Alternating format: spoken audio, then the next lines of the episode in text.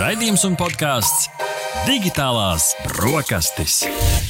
Tava ikdienas tehnoloģiju ziņu deva kopā ar Arti un Rihardu. Labrīt, labrīt no digitālajām brokastīm. Digitālās brokastis, kā jau katru piekdienas rītu, ir kopā ar jums. Šodien pastāstīsim jums par gadgetiem, par tendencēm, par sociālo tīklu jaunumiem, par zinātnes sasniegumiem, par kosmosa piedzīvojumiem. Īsāk sakot, jūsu ikdienas tehnoloģiju ziņa deva. Ar jums, kā jau katru piekdienas rītu, ir kopā šefpavārs Artis un ar mani kopā, kā jau katru piekdienas rītu, man pretī pie mūsu īstā galda nevis digitālā sēž neviens cits kā Rihards. Labrīt, klausītāji! Latvijas Rādio 1 un Radio Naba tiešraidē. Sveicienu arī visiem tiem, kuri skatās vai klausās mūsu ierakstā. Digitālās brokastis, kad vien vēlaties, varat baudīt populārākajās podkāstu platformās Latvijas Rādio arhīvā, LSM.CLV, Naba LV, kā arī Latvijas Rādio YouTube kontā. Šodien raidījumā, kā jau ierasts, sāksim ar pamatēdienu, ar, ar to gruntīgo, ar to ziņu top 10 subjektīvi, objektīvā secībā, kā mums to patīk katru nedēļu sakārtot. Un pēc tam mēs parunāsim par trīs burtu kombināciju - NFT. Kas tas tāds? Nu, to jūs šodien uzzināsiet. Tas ir jaunais blokķēžu pasaules karstais kartupelis, kas, kas sajūsmina daudzus un liek daudziem domāt, kā viņiem kļūt par digitāliem māksliniekiem. Un par to mēs šodien izjautāsim Walteru Brūnu un Aleksandru Breži no Kivī komandas un Juri Baltaču no podkāstu svarīgas detaļas. Tā kā mums forši viesis šodien šajā rītā. Ziņa numur viens. Man šķiet, ka pirmo reizi digitālo brokastu vēsturē iesāku šo ziņu šādi, kā ziņo satiksmes ministrija. Ļoti nopietna ziņa. Tad Latvijas valdība 11. maijā apstiprināja grozījumus ceļu satiksmes noteikumos. Kāpēc mēs par to stāstām? Jo šajos noteikumos ir uh, iekļauts regulējums, kas attiecās tieši uz elektroskrējējiņiem. Tas paredz, ka elektrisko stāvdrāžu pārvietošanās gan pa gājēju ietvēm, gan veloceļiem, gan brauktuvēm atsevišķās vietās būs iespējama un atļaut un regulēt vienlaikus nosakot stingras prasības prasības, kas jāievēro to vadītājiem, lai pārvietošanās neapdraudētu nu, kā pašus, tā arī tos apkārtējos, kas ir gan uz ietvēm, gan, gan uz, gan uz velojoslām, gan uz ceļiem. Tad nedaudz iedziļināsimies lietas būtībā. Man šķiet, ka šis ir svarīgi, lai mēs visi saprastu, kā turpmāk uzvesties uz Rīgas un citu, citu pilsētu ielām. Ja, protams, šis attiecās uz pilnīgi visu Latviju, nevis tikai uz tām pilsētām, kur var, piemēram, noīrēt tos. Uz ietves ir jādod priekšroka gājējiem. Rihard, kā ir ar tevi? Tu esi, tu esi braucējs. Jā, nu es ļoti uzmanos vienmēr. Man tiešām šķiet, ka ietve ir pamatā pieder gājējiem. Un es kā cilvēks ar skrejteni elektrisko esmu viesis uz ietves. Un līdz ar to, protams, tur, kur man es netraucēju citiem, tad tur es braucu ātri vai nu vismaz tajā atļautajā ātrumā.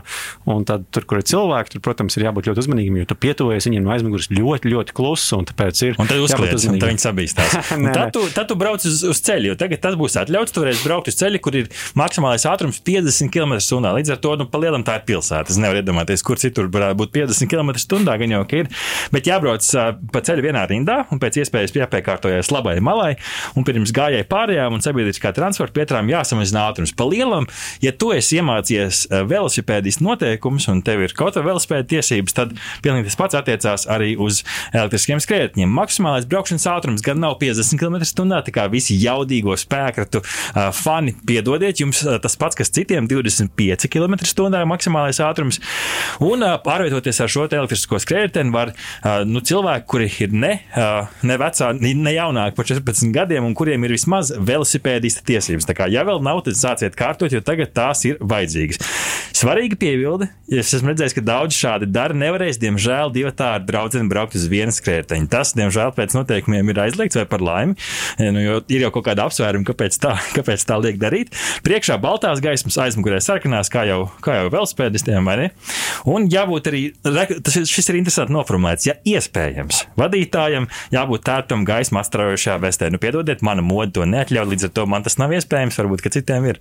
Kā tas, kā tas jāinterpretē, Rihard? Nu, es domāju, ka labāk jau interpretējam tā, ka uzvelkam to vesti. Es domāju, gan riteņbraucējiem, gan visiem pārējiem, arī gājējiem patiesībā varētu uzvilkt šādu vesti, un tad, ir, tad visiem būs drošāk. Bet es tikai nu, gribēju... mājās arī uzvelc vesti, arī mājās būs drošāk. Jā, es tikai gribēju izcelt vēlreiz to, ko Arts teica, ka ar skrējēju pa ielu nevarēs braukt tur, kur atļautais ātrums ir ātrāks nekā 50 km/h. Uh -huh. Tas nozīmē, piemēram, uz saltilta, tur, kur atļautais ātrums ir 70 mm. km/h, mēs nevarēsim braukt pa brauktu, un tas ir būtiski. Un tad otra lieta, maksimālais ātrums, ar ko mēs varam pārvietoties, ir šie 25 km/h. Un uh, svarīgi, manuprāt, ir tas, ka ir vienmēr ir jāskatās, tā, kad mēs braucam pa šīm dzīvojamajām zonām, tur, kur var parādīties uz ceļa bērni, kaķi un pīles un vispārējais, tad uh, nu, ievērojami ātri braucam ar 20 km/h. Man labākā piebilde visā šajā stāstā ir uh, laba piebilde par to, ka nedrīkst braukt neturot stūri. Tā kā ja tu palaidi abas rokas vaļā, nu tad uh, uz ceļa nedrīkst atrasties. Ziņa numur divi. Pārceļamies uz Amerikas Savienotajām valstīm. Hakeru uzbrukuma rezultātā pārtraukta uh, 5500 jūdžu garā Amerikas Savienoto Valstu Colonial Pipeline degvielas cauļvadu darbība. Grupējums Darkside no Austrumēropas ir publicējuši Dark Web ziņu, ka viņu uzbrukuma mērķis ir naudas iegūšana. Viņiem nesot nekādu ģeopolitisku interesu vai arī vēlmes radīt problēmas plašākai sabiedrībai. Tā raksta tekstpat.com. Caurļvads nodrošina degvielu aptuveni 45% no dienvidu austrumu ASV reģionu iedzīvotāju, kas šo uzbrukumu padara par lielāko veiksmīgo kiberuzbrukumu ASV infrastruktūrai, kas kāds jebkad noticis. Grupējums ir uh, nokriptējis 100 gigabaitus ar uzņēmumu datiem un pieprasa izpirkumu naudu, piedraudot ar datu nopludināšanu. Nu, padomā, uzbrukums infrastruktūrai. Un tas, kas ir interesanti šajā ziņā, ka, nu, kā te, kā rakstīts, viņi ir izcēluši šajā dark web ziņā, lai arī kur tas tika nopublicēts, bet bildīt klejoja pa gaišo internetu, ko mēs varējām redzēt. Tad viņi ir nu, no vienas puses ne, nevēlējušies radīt problēmas plašākai sabiedrībai. Es nezinu, kā tas iet kopā tajā brīdī, kad tu nu, aizgriez padevi benzīnam un, un degvielai, lai arī kas tur pa to trubu plūst, bet nu, tas ir nu, gala produkts, beigās ir benzīns, kas pēc tam tam ir vajadzīgs, nu, īpaši amerikāņiem, kur viņi lej vairāk par ūdeni, man šķiet, uh, laistās apkārt ar to.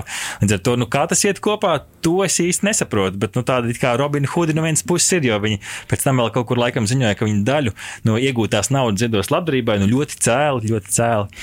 Uh, bet, nu, arī šādi, šādi ir iespējami. Es domāju par to, kas mums Latvijā ir tas, kas, kas varētu būt šī lielā caurule. Mums iet cauri Latvijai viena liela caurule, bet es nezinu, vai mēs to tik ļoti izjustu šeit, jo tur tas mums benzīna ikdienā nedod uzdod, bet uh, kas mums vēl ir par, par tīkliem? Mums uh, caur Latviju ir dažādas caurules, gan gāzes, gan arī tāpat naftas caurule, bet viņi gan šobrīd nefunkcionē, cik nu man ir zināms. Un, un noteikti ir vēl daudz citu tādu lielie uh, tīkli, kuru traucējumi mums noteikti, nu, nu kur darbības traucējumi mums noteikti iespaidot ikdienu. Tā kā, nu, cerēsim, ka uh, neviens necentīsies ietekmēt uh, mūsu valsts. Uh, vismaz ne, da, vismaz ne ar, ne ar kiberuzbrukumiem, jo zinu, ka šeit centrālajai caurulē, kas iet cauri, viņi vairāk uztraucās par manuāliem uzbrukumiem uzbrukumiem ar urbīšiem un, un tiem cilvēkiem, kas tur iet pēc tam nolēja. Bet, nu, redz, kā ASV rietumkrastā jāuztraucās no tiem, kas pāri okeānam var pieslēgties tavai caurulē.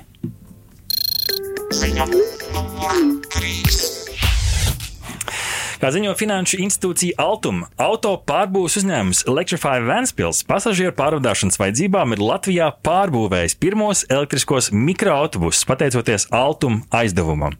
No ražotēm Jelgavā un Ogrē uz Vanspili devušies pirmie divi Mercedes-Benz Sprinter mikroautobusi. Savukārt nākamie divi mikroautobusi ar 21, pa, 21 pasažieru sēdvietu Vanspilī tiks piegādāti jau tuvāko nedēļu laikā, un pēc tam līdz gada beigām vēl desmit. Tā kā vesels bar bariņš ar pārveidotiem elektriskiem mikroautobusiem. Es uzsveru uz to pārveidot, jo tas nav pilnībā izveidots pie mums. Tie ir bijuši iepriekš cita veida Mercedes-Benz Sprinter, arī ar degvielu vai dīzelīti. Pie mums viņi ir pilnībā pārveidoti, lai varētu braukt ar elektrību. Un šie ir pirmie šādi mikroautobusi, kuru inženiertehniskie darbi ir pilnībā veikti Latvijā un ir certificēti piedalīties satiksmē.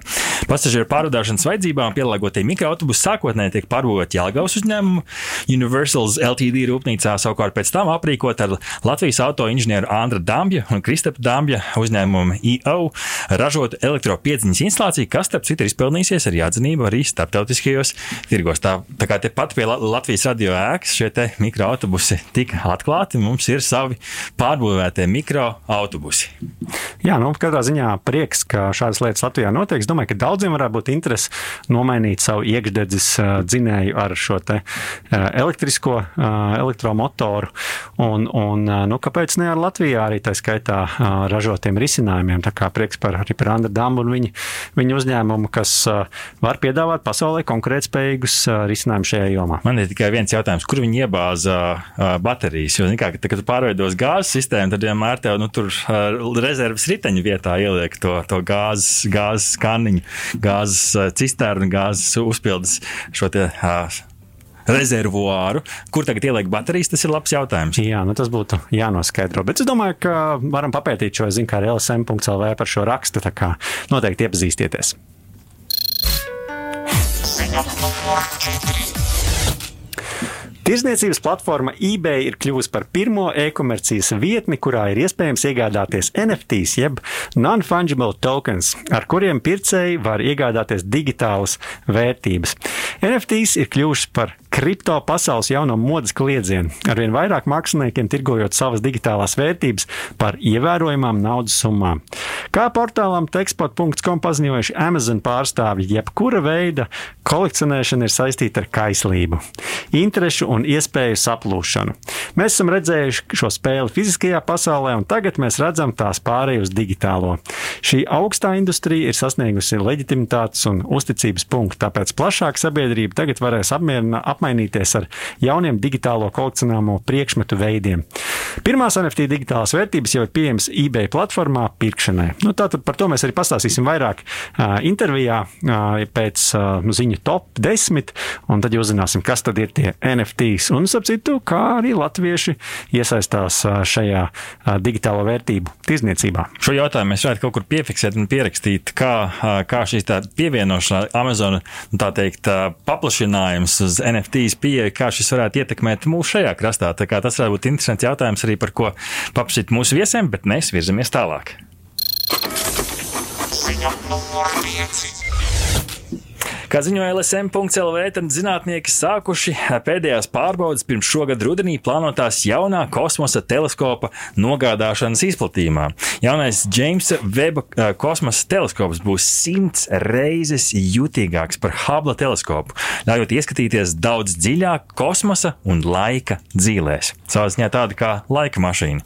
Jaunais teleskops aizstās Hubble eh, kosmosa teleskopu un būs par to aptuveni simts reizes jutīgāks, lai sniegtu astronautiem ieskatu par pirmo pirmajām galaktikām, kas izveidojās agrīnajā visumā. Džeimsa Webb teleskops svērs 6 tonnas. Tā spoguļa diametrs 6,5 metri, jeb 3 Kristapra porziņģi. Trīs reizes lielāks nekā Hubble teleskopam. Uz tā atradīsies četri instrumenti, ieskaitot kameras un spektrometrus, kas var uztvert ārkārtīgi vājus signālus. Projekts tiek īstenots kopīgi ar Eiropas un Kanādas kosmosa aģentūrām. Tā kā tāds sešu tonu zilonis tiks sūtīts kosmosā, lai savā ziņā iestrītos pagātnē. Cik interesanti, ka mums tomēr ir tādas nu, pārnestā nozīmē laika mašīnas. Jā, nu, tā gaisma ceļo līdz mums, un tad nu, ir iespēja arī nedaudz paskatīties, nu, kas tad ir noticis senākos laikos caur šiem te teleskopiem. Bet katrā ziņā tā bija arī viena no prognozēm, par ko mhm. mēs saderējām ar tevi gada sākumā. Un tas skaitā arī uzklausījām, ko klausītāji par to domā. Kā Insen būs gada beigās atkal savilkt to bilanci, nu, ko tad mēs esam prognozējuši pareizi vai nepareizi. Līdz ar to man liekas, ka es prognozēju, ka šo te, uh, teleskopu uh, palaidīs vēl uh, šajā gadā. Un man aizdomā, ka tu teici, ka nē. Tāpēc, mēs ne, nes, nesalikām, kurš, kurš ko dabūt tajā brīdī, kad mēs uzvaram. Bet to mēs varam izspriest muzikālajā pauzē. Palieciet kopā ar mums, mēs būsim pavisam drīz jau atpakaļ. Godlike! Jā, sveicam atpakaļ pie digitālo brokastu galda. Mēs pārceļamies uz Britu salām. Ļaudis visā pasaulē pret saviem vietāluņiem jūt tādas pašas emocijas kā pret savām mājām. Tā noskaidrojies Londonas Universitātes koledžas antropologu pētījumā. Britu antropologi pavadīja vairāk nekā gadu dokumentējot vietāluņu lietošanas paradumus deviņās pasaules pilsētās. Pētījumā atklājies, ka vietāluņu lietotāji ir kļuvuši par sava veida gliemežiem, kas savas mājas nesā savās kabatās. Turklāt cilvēki labprātāk izvēlas no šīs ierīces ekrānā, nereti ignorējot draugus un ģimeni. Tā raksta LSM.CLV. Par cilvēku savstarpēju attiecību daļu kļūsi situācija, ka jebkurā brīdī, maltītes, satikšanās vai kādas citas kopīgas nodarbības laikā cilvēks, ar ko esat kopā, var vienkārši pazust, jo ir devies mājās, savā vietā runī. Un to skaidro profesors Daniels Millers. Šo fenomenu antropologs nodēvēja par klātbūtnes nāvi. Savukārt par vietāluņa sirdi Pētnieki dēvē saziņas lietotnes, piemēram, WhatsApp. Nu, tāda lūk, īsti interesanta ziņa. Man liekas, absolūti atspoguļo realitāti. Man, man te ir vairāk jautājumu. Pirmkārt, cik daudz cilvēku atslēdzās tajā brīdī, kad mēs teicām, britu zinātnieki ziņo? tas, ir, tas ir pirmais jautājums šajā visā stāstā. Otrakārt, nu, par to, par to klātbūtnes nāvi jāpiekrīt. Jo man, es domāju, kas ir kaut kādas bijušas citas līdzīgas situācijas cilvēku saskarsmē. Laikam tuvākais, kas man ir, ir tajā brīdī, kad mēs vēl sen, sen atpakaļ paspiedām rokas.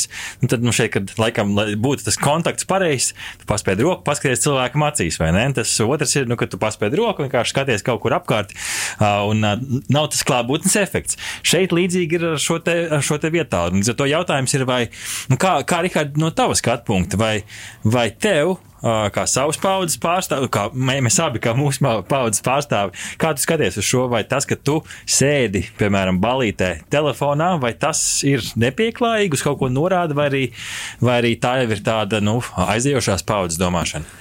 Nu, protams, tā nu ir izveidojies, ka šobrīd ir iespēja komunicēt nu, visu laiku. Ja agrāk bija tā, ka tev bija speciāli jāiet pie telefona, kurš atradās vada galā, vai ne? Un, tad bija tu, tāda rīpa jauniešu, bija jā, jāpagriež, jā, un tad jāpagaida, kamēr tā rīpa aiziet atpakaļ. Jā, un tad tu vēlējies sazināties, un tad tu gāji speciāli uz to konkrēto vietu un arī, um, arī veici šo saziņu. Bet, ja tu, piemēram, runāji ar cilvēku, nu, tad tu runāji ar cilvēku. Tā nebija tādas cits lietas, kas apkārt notika. Nu, varbūt tu varēji reizē mēģināt lasīt avīzi, kas stāv uz galda, vai ne? Un tad tagad uh, tas komunikācijas rīks un, un daudz tavas dzīves aktualitātes ir tavā vietā, un tad, principā, tā tev līdzi ir pilnīgi visur. Un tad skaidrs, ka tu, principā, dzīvo vienlaicīgi tādas divas dzīves. Viena ir tava virtuālā dzīve, tavā vietā, runī, un otra ir tava klātbūtnes uh, dzīve. Un tad tiešām tās robežas reizēm nojūg. Un man jau liekas, ka tā ik pa laikam gadās, kad it kā runā cilvēku, un pēkšņi viņš ir aizskatījies savā vietā, un, iespējams nemaz nedzird, ko viņam saka.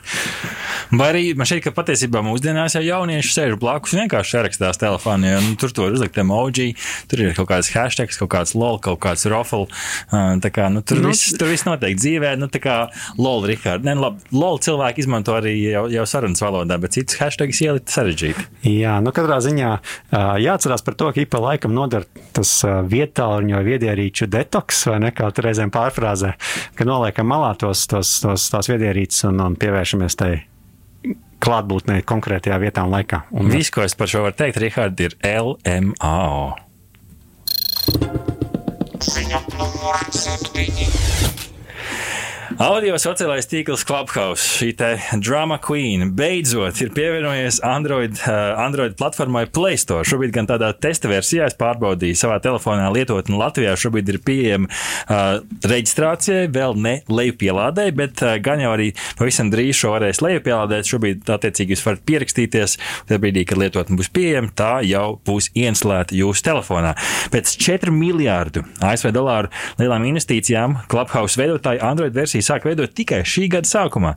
Un beidzot ir gatava tās Android versija, kur šobrīd ASV tirgu cilvēki jau var sākt testēt. Kā portālam techcrunch.com skaidro lietotnes veidotāji, ka viņa plāns ir tuvākajās nedēļās ievākt atgriezenisko saiti no komunas, salabot pēdējās kļūdas, kas varbūt varētu būt parādījušās kaut kur, un piedāvāt vēl kādas papildus jaunas iespējas, piemēram, maksājumus runātājiem, klubu izveidi un plašākas funkcijas publicēšanai. Un mēs, Rihards, starp citu, prasījām mūsu LSM Instagram kontā, storijā, šajos stāstos. Mēs tur parasti ar, ar kolēģiem no LSM portāla veidojam šos, šīs aptaujas arī par digitālo brokastu jautājumiem. Un tur mums, Rihards, bija viens jautājums saistībā ar pagājušās nedēļas ziņu. Jā, un tas bija, vai tev interesētu izmēģināt jaunās Twitter audio sarunu istabas Spaces? Tad tiešais konkurents no Twitter platformas nekas cits nav. Jā, jā lejupielādēties, atrodas turpat Twitter augšējā joslā, ja skatāties mobilā mobilā ierīcē. Nu, jāsaka tā, ka a, mūsu LSM lasītāji nav ļoti lieli piekritēji iespējams kaut kādām nu, tādām inovācijām, varbūt pat. Jo, tikai, inovācijām vai Twitter inovācijām? Varbūt Twitter inovācijām droši vien. Jo tikai 16% teica, ka jā, ka viņi gribētu izmēģināt šo jauno funkcionalitāti Spaces. Nu, mm. Es drīzāk, Rihard, pat norakstīju šo nevis kā uz tādu Twitter problēmu, bet man šķiet, ka kopumā, vismaz, es šobrīd spiežu ļoti subjektīvi, jo man uh, planšetdatorā, kur man ir ieinstallēts Clubhouse, man ziņas nāk visu laiku par dažādām istabām, bet vismaz man personīgi tas pirmais, nu, uzrāviens, tas, tā pirmā enerģija no Clubhouse ir pazudusi. Šobrīd, kad visi pārējie arī veido šādas istabas, nu, šobrīd, kad ir jau Android lietotājiem pieejams, vai nebūs par vēlu? Tāds ir jautājums. Tiesa, tiesa. Un, nu, kā saka, tad jau laiks rādīs. Twitter lietotāju bāze, protams, ir daudz lielāka nekā Clubhouse. Bet, nu, kas to zina? Kas to zina, kā izvērtīsies šis eksperiments? Ja man, ja man šķiet, ka tā lielā problēma, kas šobrīd ir tieši šim Clubhouse un arī visiem pārējiem tīkliem, ir, ka labi, pla platforma būs, funkcijas būs, bet kas ir tas saturs, ko tev gribās dzirdēt? Uz uz 20, 30 cilvēkiem savākties kopā, jā, parunāt par konkrētu lietu, bet vai tur varēs dabūt kaut ko plašāku? Nu, mums ir Latvijā bijuši labi piemēri, kur, piemēram, koncerti arī, tā skaitā caur Clubhouse notiek, cilvēki tur var iesaistīties, aplaudēt un kaut kā rēģēt. Nu, tie ir tādi inovatīvi risinājumi, kas mums ir bijuši. Varbūt, ka kaut kas tāds jāpiedāvā ar citiem. Nu, katrā gadījumā būs interesanti redzēt, vai šī uh, uzlacošā industrija nokritīs, vai arī no tās kaut kas izveidosies citās platformās. Ziņa numur 8. Jā, nu pārceļamies eh, tieši uz iepriekš minēto Twitter. Kā ziņo BBC.com, Twitter testē ASV jaunu papildinājumu lietotnē, Tip Jar. Šādā veidā sekotāji varēs arī oficiāli atbalstīt citus lietotājus finansiāli ar dzeram naudām. Pagaidām gan funkcija nav paredzēta pilnīgi visiem, bet gan ierobežotam lokam, satura radītājiem, žurnālistiem, ekspertiem un nevalstiskajām organizācijām. Tehniski nekas daudz Twitter lietotnē nemainīsies. Parādīsies tikai vēl viena maza ikona blakus lietotāja attēlam. Tādā drop-down izvēlē būs iespējami dažādi maksājuma veidi. Jaunā funkcija gan internetā izsauca ažiotāžu, jo PayPal maksājuma laikā, PayPal, es atvainojos, PayPal maksājuma laikā acīgāk jāatrod Twitter profilu e-pastu adreses. Twitter gan arī ātri reaģēja un kļūdu laboja. Katrā gadījumā vēl viena šāda maza iespēja, kas patiesībā ir kaut kas no šī clubhouse žanra, jo clubhouse tieši ievieš arī iespēju samaksāt satura veidotājiem. Tad šobrīd par labiem tvītiem, nu, labākie, vismaz, cik no labākie, bet vismaz šo grupu pārstāv, kurus mēs minējām, varēs saņemt arī kaut kādu veidu samaksu par ierakstiem. Tad ir jautājums, ko tik varēs šādā veidā notirgot, jo viens jau ir nu, tur samaksāt par tvītu, bet vai, vai šādā veidā varēs, piemēram, nu, sponsorēt politiskas kampaņas, kur tu maksā cilvēkam par viņa, par viņa ierakstu, vai arī nu, kaut kādā veidā cilvēks nopublicē kaut kādu savu digitālo mākslas darbu, piemēram, un tu it kā samaksā no tā tvīta, bet patiesībā tu maksā par kaut ko citu. Man šķiet, ka te ir jāapskatās soli tālāk, ko vēl šīs dzeramnaudas iespējas varētu atvērt. Katrā gadījumā jauna funkcija, interesants iespējas. Kit? Kit, talk to me. Sociālais tīkls Facebook ir sākuši testēt jaunu funkcionalitāti, kas prasa lietotājiem, vai viņš patiešām vēlas dalīties ar rakstu pirms tā izlasīšanas. Vai šākli nevarēs dalīties. Šo iespēju gan Facebook piedāvā sākumā nelielai daļai testētāju, bet, nu, kā jau ar visām labajām lietām, mēs, par, par kurām mēs šodien stāstām, sākumā testē mazā lokā, pēc tam pieejams visiem. Šie centieni nāk no Facebook puses, lai mazinātu dezinformāciju un liktu cilvēkiem pievērst uzmanību saturam, ar kuru viņi dalās platformā, pirms viņi to nu, ir izlasījuši lietotnē, eh, būs tieši arī šāds aicinājums iedzināties rakstā un nedalīties tikai ar tā virsrakstē dēļ. Līdz ar to klikbeitam būs iespējams kaut kāds mazs pretinieks radies ar šo aicinājumu izlasīt pirms tu dalies. Cik bieži tev, Rikārd, sanāk dalīties ar kaut ko, ko tu neesi izlasījis, vai tu esi no tiem apzinīgiem lasītājiem? Es lasu, un pie tam bieži vien pat lasu. Uh, reizēm ir tie cilvēki, kur iepastē garu rakstu, un, uh, un beigās uzraksta, ja tu izlasīsi līdz beigām, tad uh, lūdzu nespied laiku. un tad tu redzi, kuri cilvēki ir salaikojuši vienkārši apskatoties bildīti vai izlasot uh, pirmo rindiņu. Ziņa numur desmit. Sakarā ar konkurences pieaugumu piegādes industrijā Latvijas pasts meklē jaunus veidus, kā piedāvāt klientiem ērtus risinājumus. Pasts piedāvās viedās paskastītes, tie būs mini privātie pakomāti, kas sniedz iespēju mājās saņemt un nosūtīt visa veida sūtījumus bez kontakta ar kurjeru vai pasnieku, un nedodoties arī uz pasta nodaļu vai pakomātu. Šīs paskastītes sākotnēji privātmā īpašnieki varēs abonēt par noteiktu ikmēneša samaksu. Viedo paskasti paredzēts novietot pievienot pie privāta īpašuma žoga, vārtiņiem vai jebkurā kurjeram un pasniegam pieejamā vietā. Latvijas pasts pierīgā šo plāno izveidot apmēram 500, eh, šogad plāno izvietot apmēram 500 viedo paskastīšu. Latvija un pārējās Baltijas valsts esot pirmās, eh, pirmajās vietās pēc pakamā daudzumu uz vienu iedzīvotāju. Nu, mums tie pakamāti radās kā sēnes pēc lietas. Tikko vēl pastāv bija redzēja, ka pastāv jau šādas eh, skāpīšas parādījušies. Laikam tas pieprasījums pēc sūtījumiem ir tik liels, ka vismaz pusdienas laikā tās rindas garu garās. Tā kā eh, forši, ka ir šāda lieta, nākamais solis pievienot arī leduskapi funkciju šīm paskastītēm, jo kā mans saldējums, kas tur tiks piegādāts, izdzīvo šo karsto vasaras dienu. Par šo mēs varam padomāt, kamēr mēs klausāmies muzikālo baudījumu, un pēc tam jau saruna par NFTs. Mm. Mm. Ko liksim uz kārā zoba? Digitālo brokastu saldais ēdiens. Klausītāji, esiet atpakaļ pie digitālo brokastu galda. Un patiesi mums priekšā saldais ēdiens. Visi varam iztēloties, kā tiek pārdota vai iegādāta, piemēram, Vilhelma Purvīša glezna. Bet kā pirkt vai pārdot unikālus digitālus mākslas darbus, noteikti daudziem no mums ir jautājums.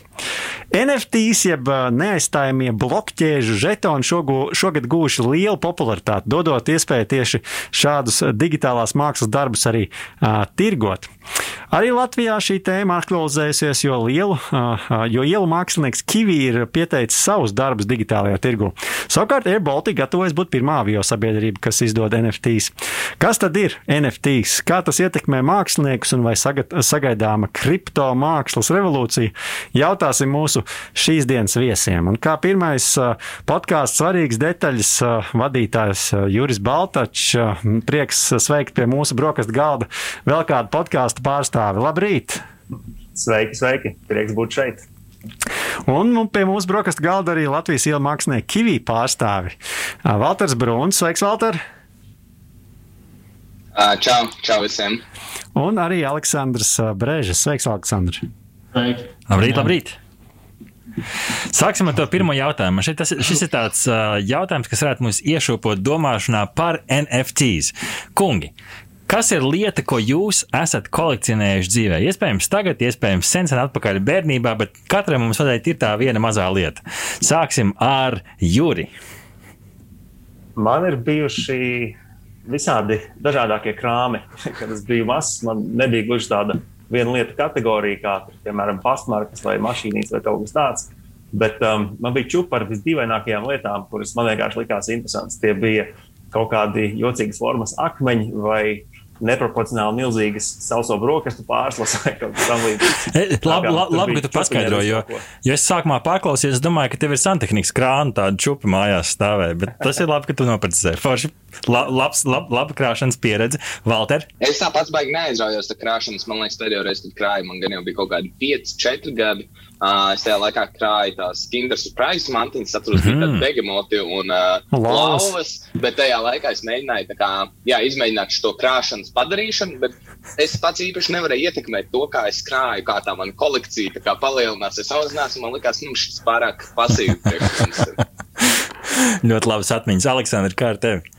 Es krāju analogās fotokameras īstenībā. Oh. Mūsu YouTube skatītāji pat šo var, var redzēt, var parādīt vēlreiz. Tie, kas mūs skatās YouTube kanālā, var redzēt, kāpēc, kāpēc šāda izvēle. Tas laikam kaut kā, kaut kā īstenībā pilnīgi nejauši notika. Man patīk fotografēt, un vienkārši pēc vienas parādījās vēl kāda, un tad jau beigās vesels lērums. Tad es zinu, zinu, kur savu veco kameru aiznest. Jā, jādod Aleksandram. Jā, nu, tieši cilvēku vēlme kolekcionēt unikālus uh, priekšmetus, un šajā gadījumā ir unikālus digitālus, uh, nu, digitālus mākslas darbus, ir veicinājusi šī arī NFT attīstība. Un, uh, gribēju Jurim vaicāt, uh, nu, kas tad ir NFTs, jeb neaizstājamie blokķēžu žetoni. Es pat nezinu, vai tas ir precīzs tulkojums. Es te, un es tev izaicinu izskaidrot tā, lai saprotu arī mana angļu skolotāja Zaļģerkovska. Labi, jā. Izaicinājums pieņemts. Um, vispār es domāju, lai saprastu, kas ir NFTs, mums palīdzēs, ja mēs pirms tam saprotam, kas vispār ir blokķēde.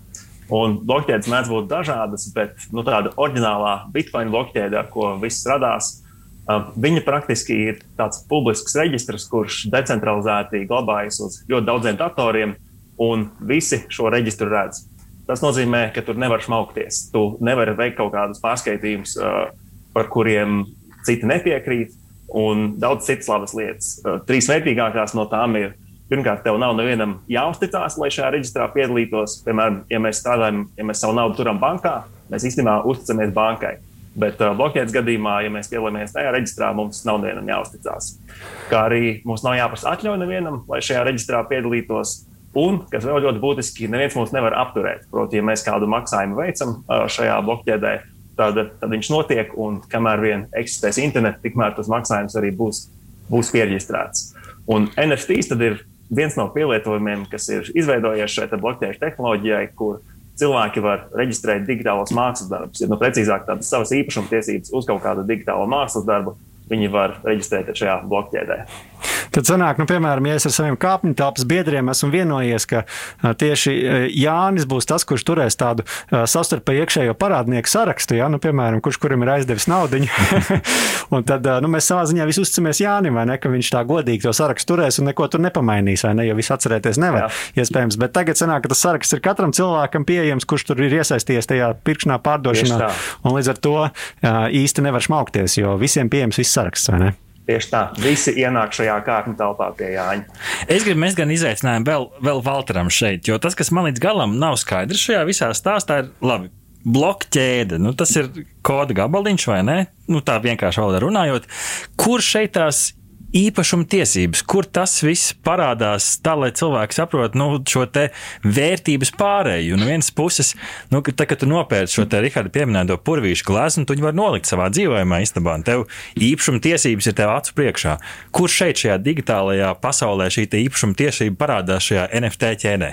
Īsnībā tajā tevis pieminētajā aprakstā tev tās īpašuma tiesības neparādās gan acu priekšā tajā brīdī, kad noliec to purvīšu glāzi mājā. Tas īpašuma tiesības eksistē tikai tavā galvā, Un tu viņus savā galvā simulē tikai tad, kad skaties uz kaut kādu papīra lapu, tur ir kaut kāda melna ķēvuri, un tu skaties uz viņu gan ilgi, un tev sāk likties, ka tev pieder šī glezna. Un uh, šajā NFT gadījumā no, mēs esam aizstājuši principā to balto lapu, kas šajā gadījumā būtu kaut kāds tur, uh, īpašumtiesību līgums uz kriptogrāfisku sistēmu, kurā, kurā joprojām strādā tāds kā sava veida viedais līgums, bet uh, viņš vienkārši pierakstīts, varētu teikt, citādā veidā, un viņš balstās tajā, ka nevis uzticies par juristiem, kas viņu ir sagatavojuši, bet šī gadījumā programmētājiem, kas ir viņu uzrakstījuši. Tad es tā papildināšu to otru jautājumu daļu. Kā piešķirt unikalitāti digitālam objektam? Jo nu, tā purvīša glezna iespējams ir tikai viena tā konkrētā. Cerams, ka nav viltojums. Nu, jā, nu, cerams, ka nav viltojums. Bet nu, to digitālo bildīti, nu, Ctrl C, Ctrl V, un mums ir, kā saka, vēl 20 tādas. Kā, kā nodrošināt unikalitāti digitālam mākslas darbam? Uh, nu šī gadījumā mēs runājam, uh, tas savā veidā nav pat mērķis. Tu vari nodrošināt to unikalitāti kaut kādās konkrētās platformās, varbūt, ja teiksim, uzteiks mākslas galeriju, un tur savus darbus var izrādīt tikai tie cilvēki, kam tie darbi uh, patiešām pieder. Uh, protams, jā, mēs varam runāt par to, ka tu vari viņus vienkārši Ctrl-C, Ctrl-V uh, nokopēt, bet arī īstos darbus, nu, reāli profesionāli mākslinieki var viņus nokopēt tā, ka neviens no mums nevarētu pateikt atšķirību. Tas ir tikai tā mūsu ideja par to, ka, hei, šim ir tas oriģinālais mākslinieks pieskāries, bet vai mēs tiešām to varam tur kaut kā tā sajust, kā parasti cilvēki, tas, tas ir labs jautājums. Pavaicāšu teikt Aleksandram, ja mēs pārslēdzamies uz šo te jau mākslas pasaules daļu, uz NFTs mākslā, digitālajā, kur šobrīd slēpjas tas, tas pievilcīgums. No angļuiski vārds hype ļoti, ļoti labi to visu šeit šobrīd raksturo, to, ko mēs redzam internetā. Kur šis viss, tavuprāt, ir nu, radies, kas, kas to šobrīd virz uz priekšu, un varbūt tev ir kāds redzējums, kur tas viss nākotnē atdusēsies, tā teikt, vai tas hype izturēs sevi? Jā, nu, man liekas, šobrīd viņš ir palielam tikai. Viņš, viņš man parādījās ar to, ka digitāliem māksliniekiem beidzot ir iespēja pārdot savus darbus kaut kādā vēl citā veidā, kā tikai uz kaut kādām reklāmas kampaņām. Tām, jo īsnībā digitāla māksla bija diezgan tādā relatīvi neattīstītā līmenī. Nu, viņi netika tirgot tik daudz kā, kā, kā, kā šobrīd, protams. Bet man liekas, ir, ir, ir interesanti būs tad, kad jā, visi, visi mākslinieki ar lielo M sāks nākt iekšā šajā pasaulē. Tādi cilvēki, visādi video mākslinieki, fotografi, kuriem pirms tam bija problēmas, kas tieši ar mākslas tirgu saskārās ļoti ar to, ka viņi, piemēram, video darbus taisa un, un kolekcionāriem nav tik interesanti pirkt tos video darbus, tāpēc ka viņiem it kā nav tas viņiem nav pierādījums, ka viņš nav, nav, nav, nav nokopēts kaut kādos miljonos veidos, vai arī ka viņam vispār kaut kas patiesībā pieder. Tagad tas, tas ir iespējams. Tā kā es domāju, tas hype varbūt vēl tikai uh, attīstīsies. Juri, kas varbūt ir vēl? Nu, mēs sapratām, ka mākslu, teiksim, tur video, iespējams arī kādu audio ierakstu digitāli var pārdot. Kas vēl ir tās lietas, ko ar NFTs digitālā vidē šobrīd tirgo? Uh, ir, ir ļoti daudz visādi interesanti pielietojumi, un šobrīd īstenībā ir hype ir divos virzienos bloķējuši pasaulē. Ir uh, NFTs, par ko mēs runājam, un decentralizētās finanses. Un arī priekš NFTs ir daži interesanti pielietojumi, kas viņas abas apkopo. Un uh, bija tāds gadījums, viens no zināmākajiem šiem digitālajiem māksliniekiem šobrīd ir tāds Beeple Creep. Varat, uh, varat viņu sameklēt Instagram. Jāsaka, māksla gan ne katrai gaumei, tā kā esat jātavi, bet uh, nu, man patīk. Un, uh, viņš, viņš pārdeva savu vienu mākslu darbu, ko viņš bija vairākus gadus veidojis par 69 miljoniem. Un, nu, līdz ar to viņš kļūst viens no tādiem apzīmētākajiem. Bet tāda interesanta iespēja, kas, kas uzpeldēja ar vienu no viņa darbiem, viņš uztaisīja, uztaisīja tādu mākslas darbu paku, kuru kāds cilvēks nopirka, ja nemaldos, par kaut kādiem 2,5 vai 3 miljoniem. Un tad šis cilvēks visus mākslas darbus, kas ir šajā pakā, viņš viņus ielika vienā viedajā līgumā un izdarīja tā, lai šim viedajam līgumam būtu, ja nemaldos, 10 miljonu akciju. Proti, nu, līdzīgi kā mēs uzņēmumā varētu pirkt akcijas mēs tagad varam nopirkt akcijas šajā mākslas darbā. Un ņemot vērā, ka viņš to izdarīja šajā hype brīdī, tas ir ieguldījums, kas bija kāda 3 miljonu eiro, viena mēneša laikā uzšāvās līdz 90 miljoniem eiro, jo vienkārši visi cilvēki, dolāri, jo visi cilvēki gribēja nopirkt daļas no šī mākslas darba. Un tas ir viens no tādiem interesantiem pielietojumiem, kur mēs mākslas darbu varam nu, gudri izsakoties, frakcionalizēt, ja nu, pārvērst kaut kādā veidā, tādā finanšu instrumentā. Jā, tā tad acīm redzot, ir parādījušies daudz dažādu veidu, kā šie digitālie mākslinieki var nopelnīt. Vai nu tā tad pārdodot savu darbu kopumā, vai iespējams sadalot to, kā, saka, kā tu minēji, tādās kā akcijās, un tad cilvēki var ieguldīt daļā no šī darba savā ziņā. Bet, Valter, kā praktiski notiek pirkšana un pārdošana šajā gadījumā? Nu, tev principā tā vienkāršiem vārdiem izsakoties, tev ir nepieciešams kaut kāds uh, noteikts uh, digitālās tās kriptovalūtas maksas, ar kuru tu veic tos norēķinus. Uh, teikšu gan godīgi, tāds uh, šos UX, kā to latviešu sauc. Lietotāja pieredze uh, mhm. visā šajā kripto tirgu ir ļoti, ļoti sliktā līmenī. Uh, tas vienkārši izdarīt nav baigi ērti. uh, es domāju, tur vēl būs kaut kāds darbs, viņiem jāiegulda. Droši vien, ka to arī cilvēki ieguldīs.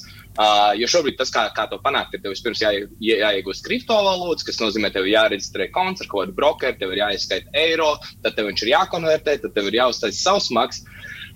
uz kur tu pārskaiti šo naudu, bet tālāk, tajā brīdī, kad es jau viņas dabūju savā makā, ja izmanto tādus populārus uh, browser extensions kā Metamask vai uh, Coinbase uzbūvēto, vai viņi vairāk ir uh, šajās populārajās uh, tirgus vietās, to ar viņiem jau pat aizsnām var ielūgoties, un tā pirkšana ir tāda pati kā jebkādā parastā, es nezinu, Amazonē vai vienalga internetu veikalu iedomājies. Tas kļūst salīdzinoši vienkārši tajā brīdī. Ir, protams, pāris vietas, kas ļauj arī uh, maksāt ar karti, Bet tur jārēķinās, ka jūs samaksājat kartu, bet stilu to darbu jūs dabūjat blokķēdē, jo viņi nevar neviens mm. uz mhm. bankas konta uzskaitīt. Tad tā vienkārši to saliekot pa soļiem, tad mums katram ir jātiek pie tā kriptovalūtu maciņa. Un tad, jau izmantojot šo maciņu, mēs varam norēķināties un iegūt, iegūt yeah. šo te, uh, digitālo mākslu darbu savā īpašumā. Un man šķiet, ka tiklīdz cilvēki dzird vārdu kriptovalūtas maciņš, daudz man šķiet, ka sāk šķaudīt. Tagad mēs redzam, kas notiek kriptovalūtu tirgu. Vienu dienu cilvēks sasit rokas, es esmu miljonārs, nākamajā dienā jau, jau es neminēšu konkrētas valūtas, bet tās jau ir lejā un cilvēki akli ir bēdīgi un sāk šķendēties, ko tagad darīt. Un neviens viņiem īsti palīgā nu, nākt nevar, jo nav jau īsti nu, iet kam sūdzēties.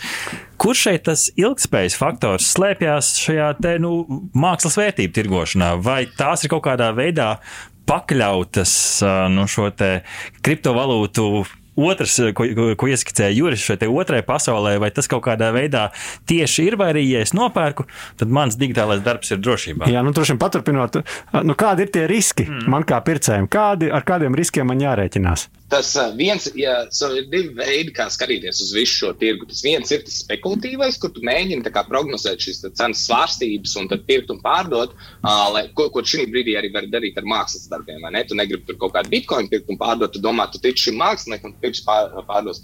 Un otrs ir tas uh, kolekcionāra tips, ja mēs tā nu, varam vulgarizēt šo. Uh, un tad tiem tiem spekulantiem, pro, protams, ka tas ir diezgan vērtīgs tirgus, jo, ja tu redzi, ka šobrīd tur ir kaut kāds mākslinieks, kuram tu tici, kuram varbūt tā digitālā. Uh, eksistence nav tik vēl zināma, bet kurš tikko sāk, ja tev liekas, ka viņam augsts tās vērtība, tu vari iepirkt šos viņa darbus un gaidīt, ka viņi tur pēc kaut kāda laika būs ļoti vērtīgi. Protams, var notikt arī pretējais. Ja tu uzliec nepareizo mākslinieku, ja tas mākslinieks neko pēc tam citu neizlaiž, tad tas ir savādāk. Savukārt, kolekcionāriem kaut kādiem tādiem, es domāju, tādi cilvēki varbūt pat neskatās tik daudz uz to. Nu, viens ether ir viens ether. Jā, viņš vakar maksāja 200, rīt viņš maksās tur uh, vienalga cik tūkstoši. Uh, Bet tu tajā brīdī, kad veic to pirkumu, skaties, man ir viens īstenībā, tas ir tas, cik es esmu gatavs maksāt par šo, mm. par šo darbu. Protams, tur pēc tam skatīties un domāt, ak, nē, ja es pirms desmit gadiem nebūtu viņu nopircis un saglabājis, varbūt tam būtu tagad. Uh, bet varbūt tas darbs paliks vērtīgāks. Nu, tā kā, jā. Ja. uh, Par riskiem vēl. Nu, monolīza var sadegt, vai viņa var nozagt, bet visādi citādi nu, viņa paliek. Nu, kas var notikt ar, ar šīm blokķēdēm? Nu, teiksim, kāds serveris izbeidzas, un vai tas viss pazūd? Paroli aizmirsti. Ar blokķēdes tehnoloģiju ir tā, ka viņa varu iedod individam, bet, kā mēs visi zinām un simts reizes esam dzirdējuši, līdz ar varu tev līdz nāk arī atbildība. Un uh, ir tā, ka, ja tu nopēc šo NFT mākslas darbu, un tu esi vienīgais, kam ir pieeja tavam maciņam, tad uh, ļoti forši esi vienīgais, kam ir pieeja tavam maciņam, un tu viņu pilnībā kontrolē. Bet tajā pašā laikā, ja tu aizmirsti paroli, tad, uh, tad tu viņu pazaudē, un tu nevari sūdzēties nekādam uh, klientu atbalsta dienestam, jau lūdzu dabūties man atpakaļ. Nu, sorry, pats vainīgs. Tev bija jābūt atbildīgam par savu maciņu, un tu pats pazaudēji viņam piekļuvi, un viņš ir zudis uz visiem laikiem. Man šī tāda īsta 21. gadsimta domāšana, tā kā tev ir, ir, nav, nav, no, pie sienas neliec, tev viņš ir digitāli, tu zini, ka tev tas ir. Pāriesim, varbūt šobrīd uz to Latvijas eh, piemēru. Es, te, es atļaušos saukt, ka viena no pamanāmākajiem, ja ne pats pamanāmākais šī, šī brīža NFT Latvijas mākslas veikums, labojiet man, ja es kļūdos, taču jau kopš 2006. gada, tā vismaz Rihards mums šeit ir apkopojis statistiku, labojiet, ja atkal kļūdos. Latvijas ielās mēs redzam šo te uh, Fat Monster, rasnais briesmonis, kurš gan neatpazīs šos te mazos briesmonīšus, kas parādās visneiedomājamākajās vietās, uz, uz sienām, uz, uz, uz, uz, uz, uz sētām, un visi par tām priecājās. Un šobrīd cilvēki varēs priecāties arī digitālajā pasaulē, jo beidzot šis te rasnais briesmonītis Fat Monster ir arī kā NFT uh, mākslas darbs pieejams uh, jau jau notirgots man šeit, kad, cik, cik tam sekoja līdzi. Bet, Aleksandra, kā šī pārēja? Nu, mākslas darbs uz ielām, šobrīd NFTs. Kur tur tās saskarsme un kā šis viss uh, radās? Es, uh, laikam, nu, es pirms kaut kādu laiku uzrunāju, uzrunāju Kivī ar to, ka jāsāk, jāsāk to darīt, jo es vienkārši pamanīju, ka, ka, ka, tas, ka te ir kaut kāda iespēja iespēja kaut kam, kas vēl nav kā, līdz šim izdarīts, un tad kā, kaut kā es sāku komunicēt. Es sapratu, ka vienkārši es pats tā izdarīju darbus, un man tur īsti grūti ir ielikt tajā tirgu iekšā, būt nezināmam cilvēkam, diezgan māksliniekam. Un es uzrunāju saimnu, Kīviju, atvainojos. Un, un, un, un, jā, un tad mēs kaut kā izveidojām šo komandu ar Walteru Brūnu un Kristapu Vaivodu un, un sākām meklēt veidus, kā to izdarīt kā to kā attīstīt tālāk, un kas ir tieši tas, kas ir, kas ir interesanti šajā projektā, kas, kas kā, ka ir iespēja iegādāties to grafitī mākslas darbu, kas ir kaut kas, ko principā pirms tam nevarēja nekādā veidā izdarīt, izņemot neizgriežot sienu. Kas ir tas, ko šobrīd iegūst uh, pircējs, kurš uh, nu, vēlas iegūt savā īpašumā kivī darbu? Nu, es saprotu, ka, uh, saprotu, ka nu, šeit ir dažādi varianti, bet, bet nu, skaidrs, ka sienas gabals tas nav. Nu, tu vari nostāties pie sienas un parādīt. Šī, šis, šis ir Ka, kas ir tas, ko iegūst cilvēks, kurš iegādājas kivī mākslas darbu ar, ar šo? Līdzīgi. Līdzīgi kā, līdzīgi kā tiesības uz fotografiju, uh, tu iegūsti arī tiesības uz, uz šo kiviju mākslas darbu, bet uz pašu mākslas darbu, tātad ne uz sienu vai uz īpašumu. Kā arī tu iegūsti šo, nu, tāpat kā daudziem citiem NFT mākslas darbiem, tu iegūsti savā īpašumā šo 3D atveidojumu, un pirmie pircēji arī saņem tādu metāla, es, es to saucu par tādu čeku, tā kā apliecinājumu, ka tu esi tas, kas pirmais iegādājās un saņēma šo darbu. À, tad, tomēr jūs, jūs esat gudri šo visu izdomājuši, ka tomēr ir arī kaut kas tiem, kuriem vajag kaut kādu taustāmo, ko ielikt, ko ielikt plauktiņā, un lai var līdzīgi kā YouTube sekotājiem atsūt šo lielo pogu, zina, ka ir. Citādi tas cipars kaut kur var arī pazust. Kādas tiesības uz mākslas darbu paliek pašam māksliniekam? Vai, vai šis darbs pilnībā pieder tam, uh, ja, nu, tas, kurš ir veicis šo pirkumu ar NFTs? Vai tur ir kāda autortiesības, nezinu, uz kaut ko, kas paliek arī pašam kivī no tā konkrētā mākslas darba? Aleksandra, kā tev šķiet? Es domāju, varbūt Valters var labāk atbildēt šo jautājumu. Labi, piespēlējam Valtram. Uh, Šajā gadījumā tās autortiesības pašu to darbu uh, netiek tirgotas. Nav tā, ka tu vari iet viņu pašu uh, pārtirgot tālāk. Tur, es nezinu, Disneyam vai vienalga kaut kādam tur filmu ražotājam, un hei, liekat šito zaļo kiviju iekšā, taisa, ko jūs gribat, tas ir manējais. Tāpat kā tas notika ar reālu mākslas darbu, vai ne? Viņu nopērk, kur tev pieder tas konkrētais darbs. Uh, bet, uh, Jā, nu, tas, ko tas lietotājs var ar viņu darīt, tu vari viņu pēc tam kā, viņu var atrādīt tajās savās vietās, tu vari pārsūtīt uh, kaut kādiem citiem cilvēkiem, tu vari ar viņu iznīcināt, kas ir interesanti tāpat kā uh, uh, ar īstiem mākslas darbiem. Uh, nu, un, un daļa tās kontrolas, protams, paliek arī pašam tam uh, darba autoram. Mūsu gadījumā mēs, to, mēs šos konkrētos kiviju, ja viņi gadījumā no ielām pazūd, mēs viņus varam nomainīt uz kaut kādu citu darbu. Mēs viņu nomainām uz tādu spoku versiju. Mm -hmm. Es skatos, ka mums, diemžēl, laiks jau skrien uz beigām. Tiešām pie interesantām sarunām tā mums bieži šeit gadās. Bet uh, kas īsumā no kiviju komandas, kas jūs redzat, kas ir nākamie kaut kādi attīstības soļi? Šobrīd tas pirmais darbs ir bijis. Kas varbūt ir nākamais, ko jūs redzat uh, sev priekšā? Valter Aleksandrs, kurš droši? Uh, no es sākšu, un no Aleksandrs noteikti no. papildinās. Uh, Uh, šobrīd tāds, uh, viens no virzieniem, kurā mēs ļoti daudz domājam, ir kā palielināt šo digitālo pielietojamību vispār šiem darbiem. Ka līdz ar to, brīdī, kad nopērts to NFT, tev pieder ne tikai tas, uh, šī animācija, kas ir redzama kaut kādās lapās, bet lai tas parādītos arī kaut kādās citās 3D pasaulēs vai vietē, vietās, lai viņš tur eksistētu kā, uh, neatkarīgi no savas fiziskās vietas. Nu, jā, mums arī ir doma par tādu. Mēs šobrīd strādājam pie tādas var sakot, atsevišķas kivī pasaules, kurā tu varēsi apstīties visus tos iegādātos, iegādātos NFT, kā arī tālāk mēs domājam attīstīties, cerams, ārpus tikai no, no NFT aiziet arī tālāk citos virzienos. Juri, kāda, kāda tavuprāt ir tā kriptomākslas nākotne īsumā? Īsumā Es teiktu, īstenībā mākslas darbi paliks vēl dārgāki, un pēc tam ļoti strauji paliks lētāki, jo vienkārši tas ir tas, kā kripto tirgus darbojās. Bet uh, pati tehnoloģija par viņas ilgtermiņā esmu ļoti optimistisks. Un, uh, es domāju, ka tie, kas nemēģinās ātri nospekulēt, uh, tiem dzīve beig beigās būs laba. Paldies uh, Valteram un Aleksandram no Kivī komandas, uh, kā arī uh, Jurim no podkāstas svarīgas detaļas. Paldies jums par ieskatu NFTs. Es domāju, ka daudz klausītāju beidzot uzzināja, kas tad īsti tas ir, jo mēs gan katrā ziņā šobrīd pieminam šo, un prieks, ka varējāt būt šodien kopā ar mums. Paldies jums! Paldies! Paldies. Rihard, izņem no saldētavas ārā. Kas mums nākamdēļ galdā? Klausītāji, esiet kopā ar mums arī pēc nedēļas, kad kā ierasts iepazīstināsim jūs ar tehnoloģiju jaunumiem. Kā arī uzzināsim, kā Latvijā un pasaulē attīstās chatboti un kā tie var atvieglot mūsu ikdienu. Paldies, ka bijāt kopā ar mums šajā rītā. Mūzikas redaktors Girts Bišs, pie režijas pults Arnolds Auziņš, raidījumu veidoja radionāba autori Artis Ozoliņš un Rihards Blēsē speciāli Latvijas Radio 1. Tu klausījies digitālās brokastis. Katru piekdienu no 10 līdz 11. Arī podkāstu formātā, populārākajās platformās. Digitālās brokastis. Tava ikdienas tehnoloģiju ziņu deva.